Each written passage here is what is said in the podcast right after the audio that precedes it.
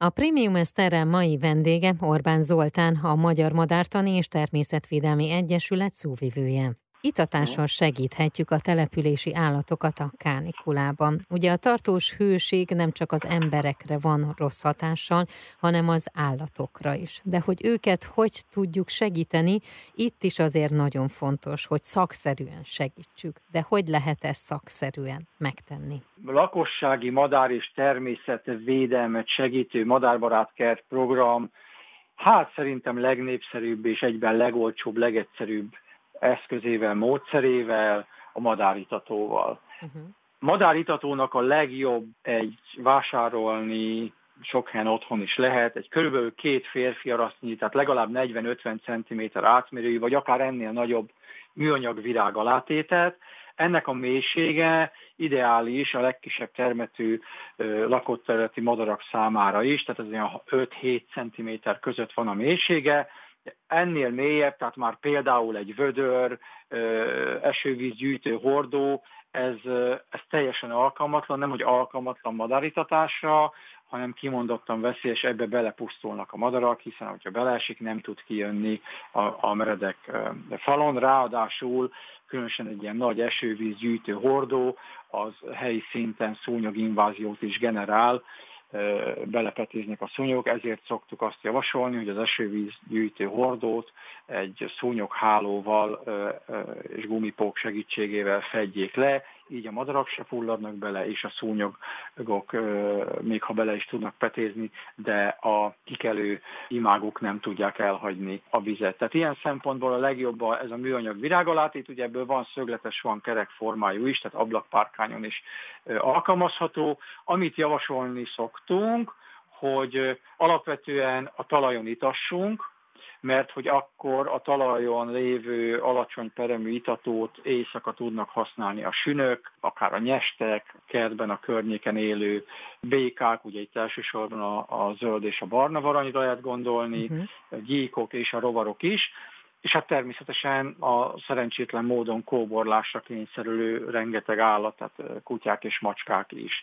Na most ott, ahol macska van, ott nagyon gyakran aggódnak a madárvédők a madarakért. Ilyen helyen érdemes két helyen itatni, egyrészt a talajon, másrészt pedig akár fejmagasságban, valamilyen állványon egy felállított, biztonságosan rögzített vastagabb rönk tetején, és hát van még egy jó tanács, hogy lehetőleg az itatót az ablak elé tegyük ki, mert akkor egy ugyanolyan élményben lesz, megfigyelési élményben lesz részünk, mint télen az énekes madarak, énekes madarak etetőjénél, hiszen az itató a nyári hőségben, de egyébként zárójelben meg egész évben az egyik legizgalmasabb madár közösségi tér, a környék összes madara oda fog járni, és egészen elképesztő dolgokat figyelhetünk így meg. A Premium Eszterrel rovat mai vendége Orbán Zoltán, a Magyar Madártani és Természetvédelmi Egyesület szóvivője. Már is folytatjuk a beszélgetést.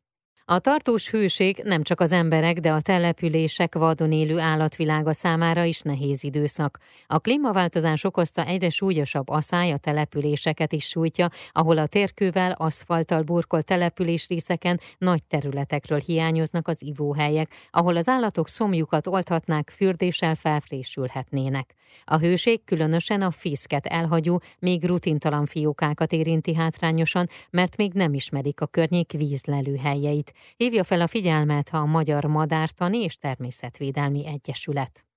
Folytassuk a beszélgetést a madarak, illetve az állatok hogy találják meg a vizet, amit ugye ez fontos, hogy minden nap friss vizet kell beleraknunk. Az illata, vagy a látvány az, ami oda vonza őket? Az európai, sőt a világ madarainak messze túlnyomó többsége nem szagol, illetve a szaglás az semmiféleképpen nem tartozik az első, másodlagos vagy akár a harmadlagos érzékszerveik közé, van néhány speciális kivétel, de az a lényeg, hogy a vizet sem a szaglás alapján találják meg, hanem a csillogás alapján,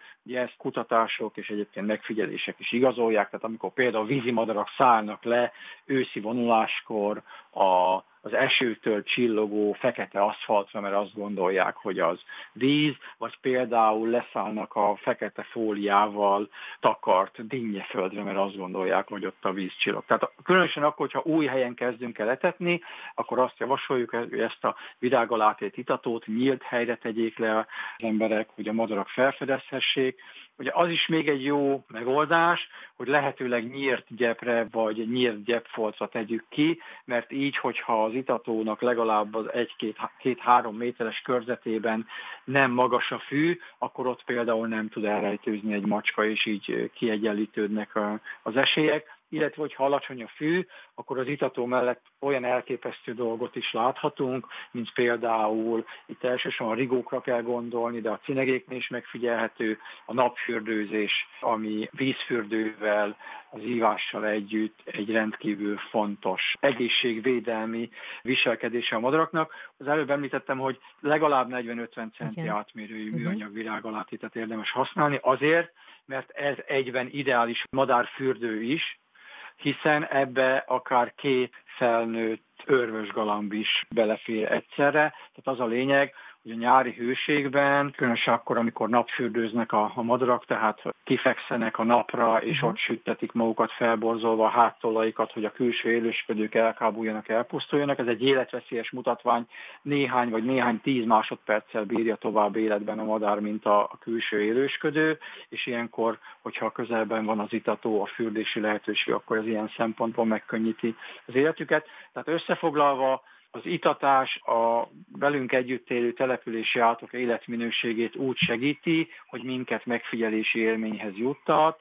Hát, hogyha ezt jól csináljuk, hogyha nem mély vödörrel, teljes ládával, ilyesmivel végezzük, akkor ez működik. De sajnálatos módon az internet, a Facebook egy csomó hamis, rossz, uh-huh. kimondtam káros információ terjedését segíti. Most a legutóbbi ilyen teljes őrület, hogy tegyünk ki ivóvizet a gólyáknak vödörben. Na most aki vödörbe vizet tesz uh-huh. a gólyának, az nyilván nem olvasta a Lafontaine mesét, hogy a gólya a hosszú csőrével kanalazó, kanalazva tud inni, tehát csak ilyen ovális vödörbe lenne ez működőképes, de a gólyák alapvetően a táplálkozáskor, ugye a fészek, ugye, ami bent van a településeken, nagy távolságra, akár 10 kilométereket is elrepülnek, nagyon gyakran vizes élőhelyek mellett táplálkoznak, tehát ott tudnak ilyen szempontból inni, és hogyha valaki kirak, ugye az előbb is beszéltünk róla, hogy kimondottan veszélyes, életveszélyes a madarak számára a mély itató, uh-huh. tehát hogyha vödörbe valaki kitesz vizet, akkor abba bele fog pusztulni, bele fog fulladni a fekete rigó, a vörösbegy, a, a többi kistermető énekesmadár. Ugye ezt úgy lehetne elkerülni, hogyha egy botot tesznek a vízbe, de akkor megint csak okafogyottá válik, mert hogy a gólya pláne nem tud az egészből inni. Tehát arra kérjük az embereket, hogy ha jót is akarnak cselekedni, akkor előtte megfelelő helyen tájékozódjanak. Javaslom a Madártan Egyesület honlapját, ahol az itatásról is nagyon részletes információk találhatók. Nagyon szépen köszönöm. A Premium Eszterre rovat mai vendége Orbán Zoltán volt a Magyar Madártani és Természetvédelmi Egyesület szóvivője.